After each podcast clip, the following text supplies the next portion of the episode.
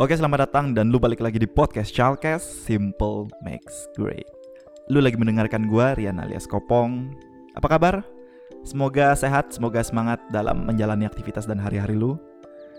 Semoga tahun 2021 resolusi dan ambisi lu bisa segera tercapai. Jangan sampai apa yang udah lu tulis 2-3 tahun ke belakang molor lagi ke Januari 2022.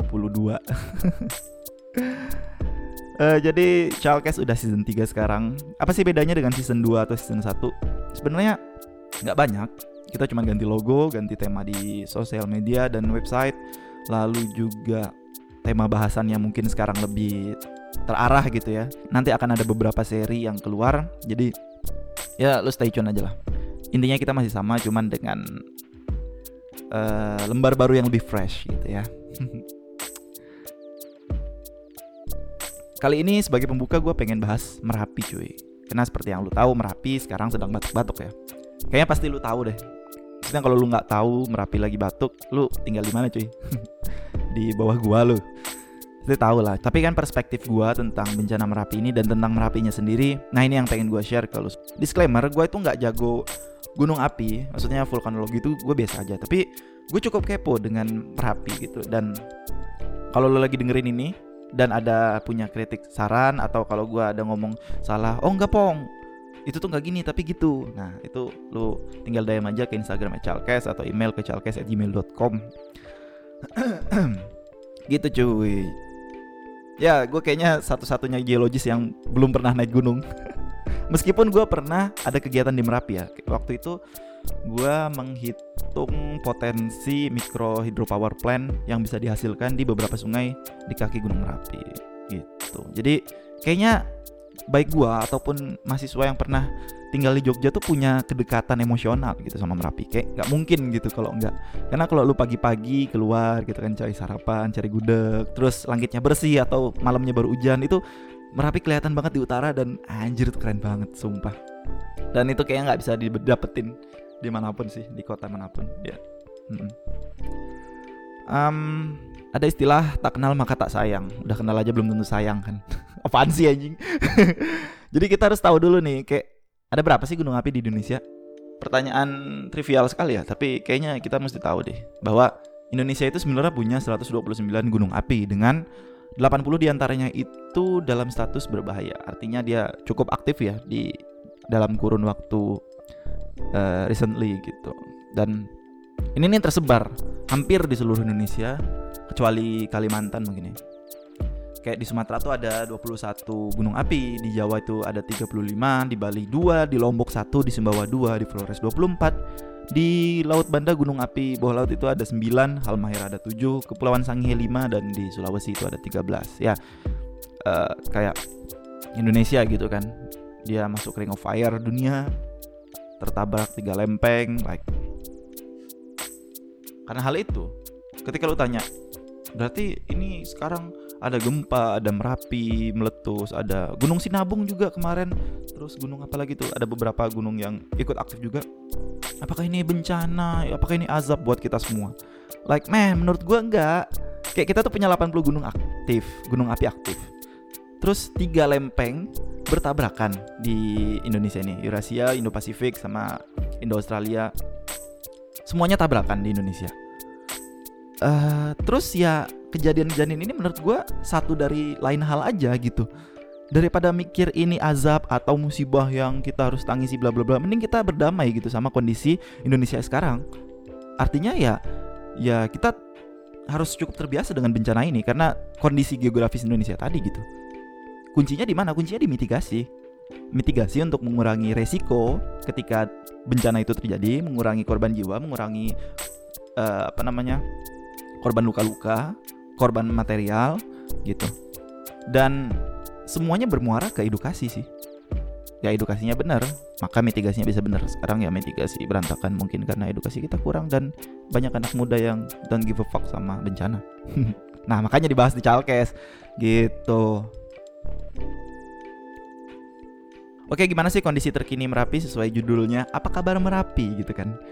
Uh, menurut pantauan Tirto per tanggal 27 gua rekaman tanggal 28 ini ya.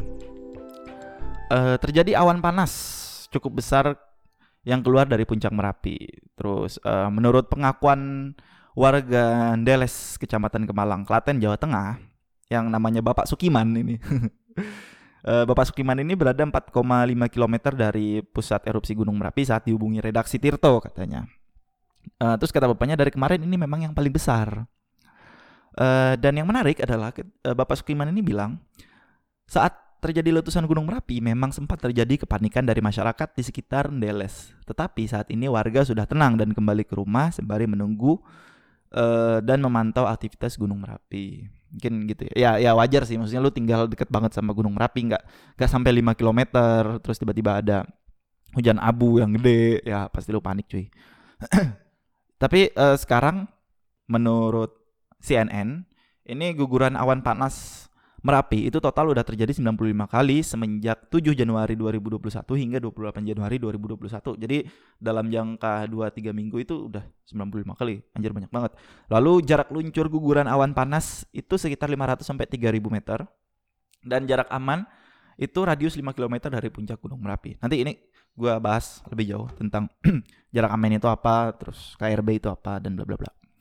Uh, dan menurut Twitternya BPP TKG, yang mana BPP TKG itu panjang banget, singkatan dari Badan Penyelidikan dan Pengembangan Teknologi Kebencanaan Geologi.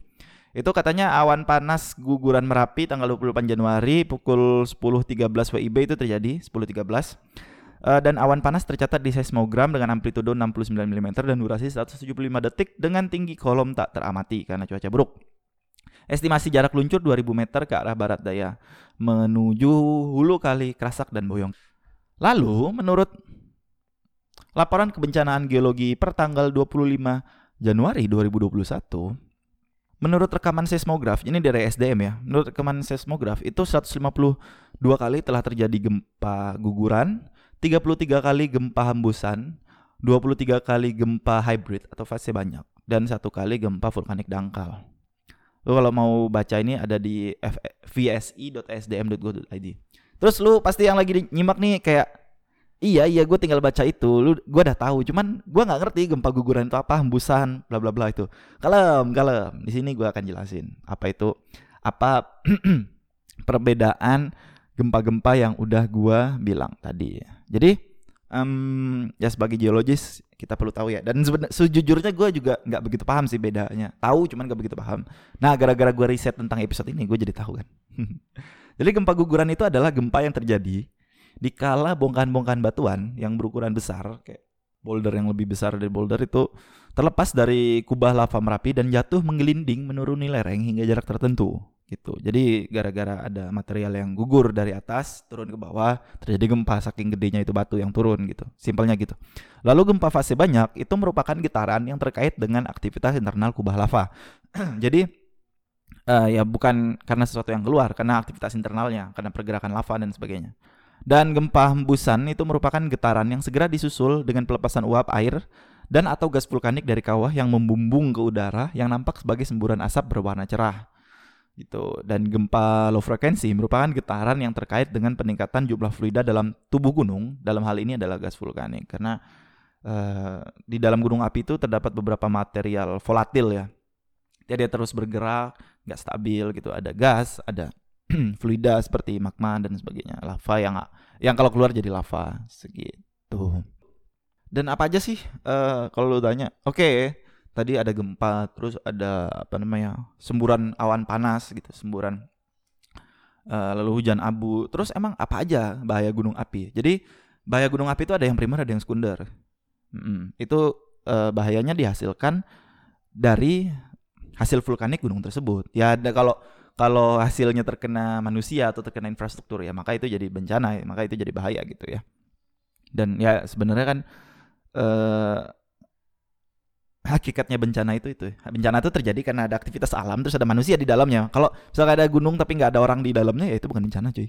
Uh, ya intinya kayak gitulah. Jadi kalau yang primer bahaya Gunung Merapi itu pertama ada lelehan lava. Jadi apa itu lava? Lava itu merupakan cairan yang pekat dan sangat panas yang dapat merusak segala infrastruktur yang dilaluinya. Jadi lelehan lava ini memiliki kecepatan aliran tergantung dari kekentalan magmanya. Semakin rendah kekentalannya, maka makin jauh jangkauannya. Gitu. Ibarat kata lu tuangin madu kecap sama air gitu, pasti yang paling jauh ngalirnya dan paling cepat tuh air kan karena dia paling tidak kental. Itu namanya viskositas. Uh, dan suhu lava pada saat dierupsi itu bedas uh, itu sekitar 800 sampai 1200 derajat Celcius. Intinya panas banget. Lalu yang nggak kalah bahaya itu adalah aliran piroklastik. Piroklastik itu batuan yang dihasilkan dari aktivitas gunung gunung berapi ya. e, dalam hal ini awan panas yang terjadi akibat runtuhan dari tiang asap erupsi e, tipe gunung Plinian dan letusan langsung ke arah guguran kubah lava atau lidah lava dan aliran pada permukaan tanah atau surge. aliran piroklastik ini sangat dikontrol oleh gravitasi dan cenderung mengalir melalui daerah rendah atau lembah. Mobilitas tinggi dari aliran piroklastik dipengaruhi oleh pelepasan gas dari magma atau lava uh, atau dari udara yang terpanaskan pada saat mengalir gitu. Jadi tetap meskipun semua produknya itu dikendalikan oleh sifat magma yang dimiliki oleh gunung apinya, tapi ketika keluar ya faktor angin sangat berpengaruh dan kecepatan aliran aliran ini dapat mencapai 150 hingga 250 km per jam dan jangkauan aliran dapat mencapai puluhan kilometer walaupun bergerak di atas atau uh, pada air laut gitu. Jadi ketika dia udah keluar, boom gitu, dia bisa menyebar. Uh, tapi ketika awan panasnya banget ini itu kecepatannya bisa 150 sampai 250 km per jam. Jadi kalau lu masih berada di zona berbahaya dan nggak segera evakuasi saat erupsi terjadi ya ya liwat cuy. Dan juga ada jatuhan piroklastik. Ini jatuhan piroklastik terjadi dari letusan yang membentuk tiang asap cukup tinggi pada saat energinya habis. Abu akan menyebar sesuai arah angin dan kemudian jatuh lagi ke muka bumi. Jadi udah jat, udah naik, terus energinya habis ya sesuai fisika. Terus dia jatuh ke bumi lagi. Nah, maka itu dinamakan jatuhan piroklastik. Ada lahar letusan. Nah, lahar ini nih. Jadi lahar itu letusan yang terjadi pada gunung api yang mempunyai danau atau kawah, dia punya kawah. Apabila volume air dalam kawah cukup besar, maka akan menjadi ancaman langsung saat terjadi letusan dengan menumpahkan lumpur panas gitu. Jadi kalau lahar itu sifatnya ya lumpur, lumpur viskositasnya tinggi banget. Lalu apa namanya? Dia terkadang bukan terkadang emang uh, apa namanya dipengaruhi oleh mekanisme mekanisme gravitasi. Jadi dia bukan bergerak atas uh, apa namanya atas dia sendiri melainkan dia dipengaruhi oleh gravitasi juga gitu. Makanya uh, apa namanya lu kalau lihat di merapi tuh jaraknya jauh-jauh banget cuman kok ada boulder bongkah-bongkah batu yang gede-gede banget itu gimana ceritanya ya? Nggak kebawa dari laharnya itu gitu. Ya terbawa sama mekanika fluidanya karena lavanya itu viskositasnya tinggi maka dia memiliki kemampuan untuk membawa material yang jauh lebih besar dari ukuran rata-rata laharnya itu ukuran butir laharnya itu. Ya itu bisa lo pelajarin di sedimen. Intinya seperti itu. Lalu ada juga gas beracun. Nah ini yang nggak kalah bahaya ya ya. Ya gimana? Udahlah panas beracun gitu. Dan rata-rata itu gasnya CO, CO, CO2, HCN, H2S, SO2 apa uh, dan sebagainya lah yang gue lupa. Intinya itu SO2 ya sih yang paling yang paling bahaya biasanya. Dan juga ada bahaya sekunder ini uh, yang terjadi setelah ya. Jadi nggak nggak nggak nggak nggak dikontrol sepenuhnya oleh hasil gunung apinya. Itu adalah lahar hujan ada banjir bandang dan longsong, longsoran vulkanik. Yaitu ketika laharnya keluar tapi mungkin dia mandek gitu ya. Terus kena hujan ya udah dia turun lagi uh, bisa nurunin lereng bisa nurunin apa ke sungai dan sebagainya. Itu biasanya jadi musibah juga sih. Banjir bandang buat desa-desa di sekitar gunung merapinya dan longsoran vulkanik. Oke katakanlah ntar gue lihat dulu gue udah rekaman berapa lama ini. Oke 15 menit. Gue pengen bikin aja kayak cuma setengah jam gitu soalnya sih Uh, Oke okay, katakanlah lu lagi main nih di Merapi nih Terus erupsi nih Der atau enggak lu pengen main ke suatu tempat tapi lu kayak ih Indonesia kan banyak bahaya ya. Bagaimana saya bisa mengetahui tempat ini? Bahaya atau tidak? Saya aman atau tidak? Tenang saja kan ada yang namanya peta KRB yey. Aduh apaan sih gue monolog gue udah lama banget gak monolog cuy jadi aneh. Uh, eh, KRB itu apa? Peta KRB itu adalah peta kawasan rawan bencana. Apakah membaca peta kawasan rawan bencana itu hanya dimengerti oleh geos doang atau geologis doang Tentu saja tidak buat lu yang bukan berlatar belakang geoscience yang lagi dengar. tenang aja kalau masalah Merapi nih BNPB udah ngasih kita info yang itu tuh tinggal cerna cuy. Bahkan kita bisa lihat peta rawan bencana tadi secara real time. Kok bisa? Ya bisa dong karena BNPB itu berkolaborasi dengan Google Maps. Uh, apa namanya? Dan kolaborasinya menurut gue keren banget. Ada yang namanya cek posisi Merapi. Gitu. Cek posisi Merapi uh, buat lo yang pengen buka apa pengen tahu gitu kan uh, eh, KRB real time di Merapi itu gimana? Lu tinggal ketik aja di browser di HP atau laptop lu bit.ly slash cek posisi Merapi. Nanti linknya ada di deskripsi. Uh, ketika lu udah buka jeder, lu bisa buka nih sambil sambil dengerin gua, lu bisa buka aja uh, apa namanya si cek posisi Merapinya. Nanti lu bakal dapat layout eh sorry overlay antara Google Maps dan KRB. Sumpah ini keren banget cuy. Sumpah ini keren banget. Dan gue begitu lihat anjir keren banget gue juga baru tahu ini ke mana aja gue gitu kan. uh, apa namanya nanti lu bakal ada over overlay dari KRB dan Google Maps dan lu nanti ada infonya tuh di sana. Antara lain ada nama gunungnya. Gua nggak tahu ya di gunung lain tapi yang setahu gue ini udah apa ini Gunung Merapi doang dan ini udah dilihat dari eh sama satu juta delapan ratus enam puluh enam ribu lima ratus enam puluh orang. Hmm, banyak juga yang peduli ya satu juta orang. Uh, nanti ada statusnya, status Gunung Merapi di sini statusnya siaga. Nanti gue jelasin, ada beberapa status gunung api. Uh, lalu ada zona KRB namanya. Jadi zona KRB itu ada nomornya. Jadi zona KRB 1 sampai 3, 1 2 3. Yang paling bahaya itu yang 3. Pokoknya makin naik makin bahaya gitu kan. Kayak gempa lah. Makin naik makin bahaya. Berbanding terbalik sama pangkat golongan PNS, makin makin naik makin rendah. Oke. okay.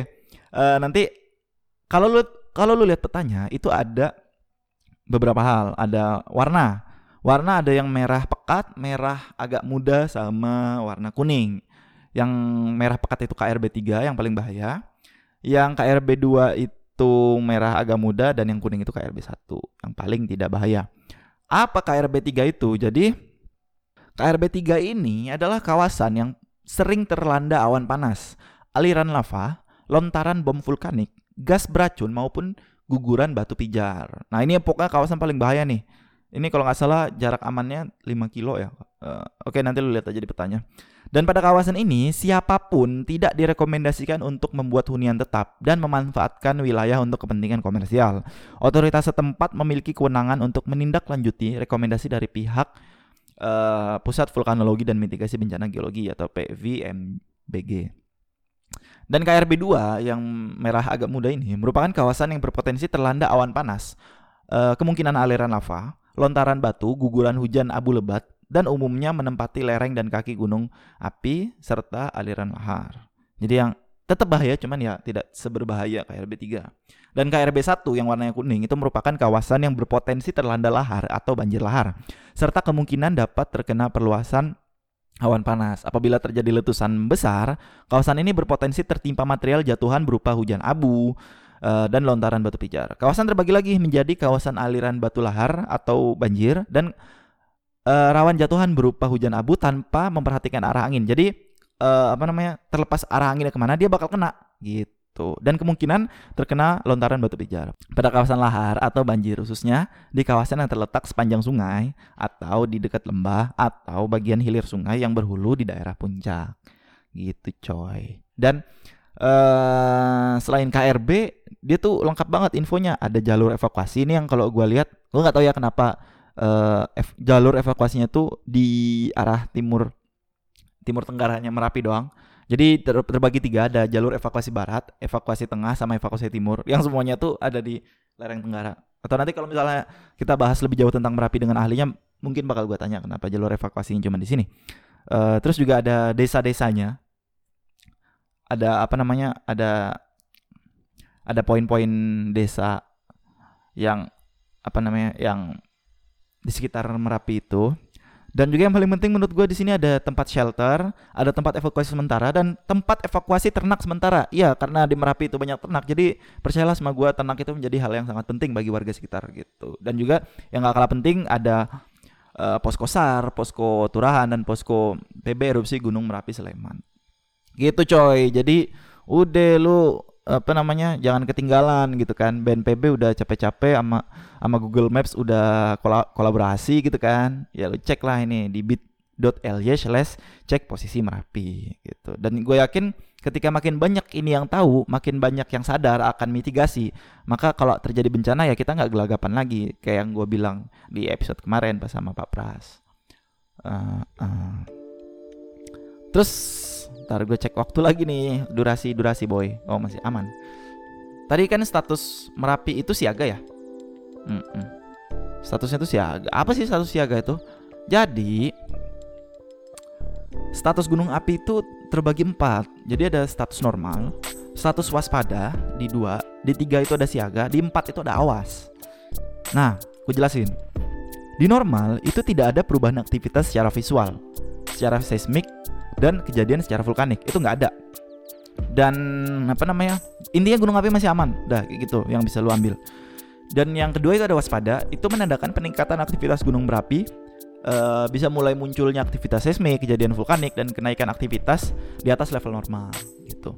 Dan apa terjadi perubahan aktivitas karena uh, apa namanya? Karena terjadi aktivitas magma, tektonik dan hidrotermal gitu. Uh, nah, di Merapi itu kan statusnya ada siaga ya. Siaga itu apa? Siaga itu terjadinya peningkatan kegiatan seismik secara intensif, perubahan secara visual atau aktivitas kawah. Dan aktivitas ini berpotensi untuk berlanjut ke kejadian letusan. Dan yang paling berbahaya itu level 4. Jadi Merapi bisa berpotensi naik ke level 4 ketika gunung berapi segera atau sedang meletus atau pada keadaan kritis yang dapat menimbulkan bencana. Dan ini dimulai dari uh, abu dan uap yang berpeluang untuk terjadinya letusan dalam waktu kurang dari 24 jam gitu. Jadi udah aduh udah genting banget nih kalau kalau udah levelnya awas. Nah, terus mungkin lu nanya ya, uh, lah ini BNPB, Badan Geologi dan segala macam vulkanologi kok hebat banget ya bisa tahu apa namanya tahu aktivitas gunung api ya gimana cara lihatnya kalem mungkin yang lu tahu di berita itu banyak ya uh, ada posko pemantauan posko pemantauan bla bla bla. Tapi tahu nggak sih lu? Gimana cara si BMKG dan badan-badan yang yang bertanggung jawab ini memantau aktivitas merapi gitu? Nah menurut USGS ini gua baca papernya USGS itu ada memang teknik untuk volcano monitoring gitu. Jadi teknik pengamatan di pos-pos itu setidaknya terbagi atas tiga gitu. Jadi setiap posko merapi gua nggak ngerti ya uh, apakah di Merapi juga seperti ini? Tapi gua rasa iya sih sama sih. Karena Merapi itu udah standar internasional banget gitu untuk pemantauan dan segala macamnya. Jadi ada tiga. Yang pertama itu ada pemantauan ground deformation. Yang kedua ada pemantauan monitoring gempa. Dan yang ke terakhir yang ketiga ada monitoring gas. Nah ground deformation itu intinya ngelihat perubahan di tanahnya.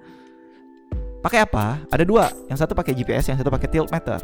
Jadi GPS itu mengandalkan satelit Hmm, ini ada bumi datar nih gue tampol nih kalau ada bumi kaum kaum bumi datar gitu benci banget gue. dia pakai satelit. Uh, akurasinya tinggi banget karena biasanya melibatkan beberapa satelit itu nggak cuma satu. Uh, dan saking tingginya akurasi perubahan beberapa meter aja tuh udah terlihat gitu. Uh, perubahan bentuk tanah dan morfologi uh, gunung apinya itu udah terlihat dalam skala beberapa meter. Kenapa ini jadi penting? Karena perubahan beberapa meter aja itu sangat penting untuk mengetahui stres dan tekanan yang menumpuk yang diakibatkan oleh pergerakan magma yang naik ke permukaan. Jadi aktivitas magma di bawah permukaan itu termanifestasi dalam ground deformation tadi yang salah satunya bisa lu lihat dari GPS. Selain GPS ada tilt meter. Uh, tilt meter itu tilt, tilt itu miring, meter itu meter. Jadi apa? Alat buat mengukur kemiringan. Karena balik lagi karena perubahan magma dan aktivitas vulkanik tadi, maka ground slope dari gunung Merapi ini sangat penting untuk mengetahui pergerakan magma ke permukaan. Jadi intinya nanti uh, semakin dia mereng, aktivitasnya makin banyak gitu. Nanti mungkin kalau dia rada kalem tuh uh, menurun tingkat kemiringannya. In a nutshell kayak gitu lah. Karena kalau gue jelasin tilt meter uh, apa namanya kepanjangan ya bisa dua sekali sendiri. Uh, lalu monitoring gempa. Ya standar ya. Pasti pakai seismometer yang ditaruh di beberapa titik. Uh, dan ini juga kalau gue jelasin prinsip kerja seismometer intinya dia ngukur getaran karena bakal panjang banget jadi dua SKS lagi. Tapi prinsip kerjanya itu mengukur getaran karena getaran itu akan sebanding dengan erupsi. Maka makin aktif maka makin banyak getarannya. In a nutshell kayak gitu. Dan monitoring gas. Ini monitoring gas tuh hmm, tricky lumayan tricky karena ya uh, ya, ya lu lihat gas gitu selain gas juga uh, material-material vulkanik yang dihasilkan kayak awan panas dan lain-lain itu itu termasuk juga monitoring seperti itu. Nah, biasanya itu yang dilihat ya sulfur SO2 yang kayak gue bilang tadi, selain juga uap dan awan panas. Jadi ketiga inilah yang dipakai untuk menentukan apa status gunung Merapi tadi gitu. Nah, ketika udah tahu nih statusnya gimana, maka akan timbul rekomendasi sesuai dari apa yang terjadi pada gunung Merapi ini. Nah, biasanya ngasih itu via beda pusat vulkanologi ya uh, di bawah SDM. Kalau di Merapi itu udah ada nih perkiraan bahaya itu di beberapa provinsi di sekitar Gunung Merapi. Seperti di kalau di Jogja itu bahayanya ada di Kabupaten Sleman, uh, lebih tepatnya di Kecamatan Cangkringan, Desa Glagaharjo, Desa Dusun Kali Tengah Lor, Desa Kapuharjo, dan Desa Umbul Harjo. Nah, kalau di Jawa Tengahnya ada Kabupaten Magelang, Boyolali, dan Klaten. Kalau di Magelang, itu bahayanya ada di Kecamatan Dukun, di Desa Ngargomulyo, uh, terus Desa Krinjing, dan Desa Paten sekitarnya. Kalau di Boyolali itu ada di Kecamatan Selo, di Desa Tlogolele. cocok gak tuh gue ngomong bahasa Jawa? Gak cocok gue ngomong bahasa Jawa, sumpah. Terus Desa Kelakah, dan Desa Jeraka. Dan Kabupaten uh, Klaten yang terakhir itu ada di Kecamatan Kemalang, di Desa Tegal Mulyo, Desa Sidorejo, dan Desa Balerante. Kalau di Magelang tuh gue pernah ya yang gue bilang gue ngukur potensi mikrohidro tuh gue di Magelang dan kecamatannya di kecamatan Dukun cukup dekat karena itu gue uh, berada di KRB 2 KRB 2 dan KRB 3 gue itu nggak sampai KRB satunya banget sih gitu loh uh, terus rekomendasi dari SDM juga dari Badan Vulkanologi itu penambangan di alur sungai-sungai yang berhulu di Gunung Merapi dalam KRB 3 direkomendasikan untuk dihentikan. Ya jelas ya. Karena misalnya lu ketika di lapangan nih, ketika di sungai, terus tiba-tiba erupsi nih, kadang nggak tahu nggak kelihatan gitu. Akan karena cuaca buruk apa segala macam. Nanti tiba-tiba banjir lahar. Nah, ini yang sering nyapu truk pekerja-pekerja tambang eh, yang berada di sungai, yang ngambilin sirtu. Nah, itu langsung kesapu itu yang bahaya cuy. Terus juga pelaku wisata agar tidak melakukan wisata di KRB 3 Gunung Merapi termasuk kegiatan pendakian ke puncak. Ini kayak you don't say banget sih kayak anjing ini Merapi lagi batuk lu ngapain naik gitu. Kalem dulu lah cari gunung yang lagi slow gitu. Terus pemerintah Kabupaten Sleman, Kabupaten Magelang, Kabupaten Boyolali dan Kabupaten Klaten, Klaten agar mempersiapkan segala sesuatu yang terkait dengan upaya mitigasi akibat bencana Gunung Merapi. Jadi ini koordinasi ya, koordinasi antara SDM, Badan Geologi, Vulkanologi, dan pemerintah daerah. Serta mm, mm, mm, mm, mm, informasi dapat didapat melalui akses radio pada frekuensi 165.075 MHz atau melalui telepon ke 0274 514180 atau 514 192 dan di websitenya di www.merapi.bgl.esdm.go.id serta sosial medianya. Gue udah kayak announcer radio ya, nyebutin nomor HP gitu. Nah, itulah dia cuy. Wrap up dari episode ini nggak terlalu dalam dan nggak terlalu sulit sih menurut gue ya nggak terlalu sulit nggak terlalu yang ah gue jelasin merapi itu sifatnya intermediate. Dia terbentuk karena subduksi bla bla bla. Itu nanti gampang. Nanti kalau misalkan lu tertarik dengan episode ini dan pengen tahu lebih jauh soal geologi merapi kita bakal bahas sama yang ahlinya tentunya ahli vulkanologi. Ntar calkes cariin tenang aja oke? Terima kasih cuy yang udah dengerin sampai sini. Mohon maaf atas kata-kata yang salah atau informasi yang salah. Balik lagi lu bisa apa namanya bisa kasih tahu aja di DM atau di email Jangan lupa Chalkes mengudara tiap minggu, hampir tiap minggu di Spotify, di Apple Podcast, dan di Anchor, di Google Podcast. Lu bisa cari, ketik aja podcast Chalkes. Oke, itu aja gue Rian Kopong undur diri pamit. Bye.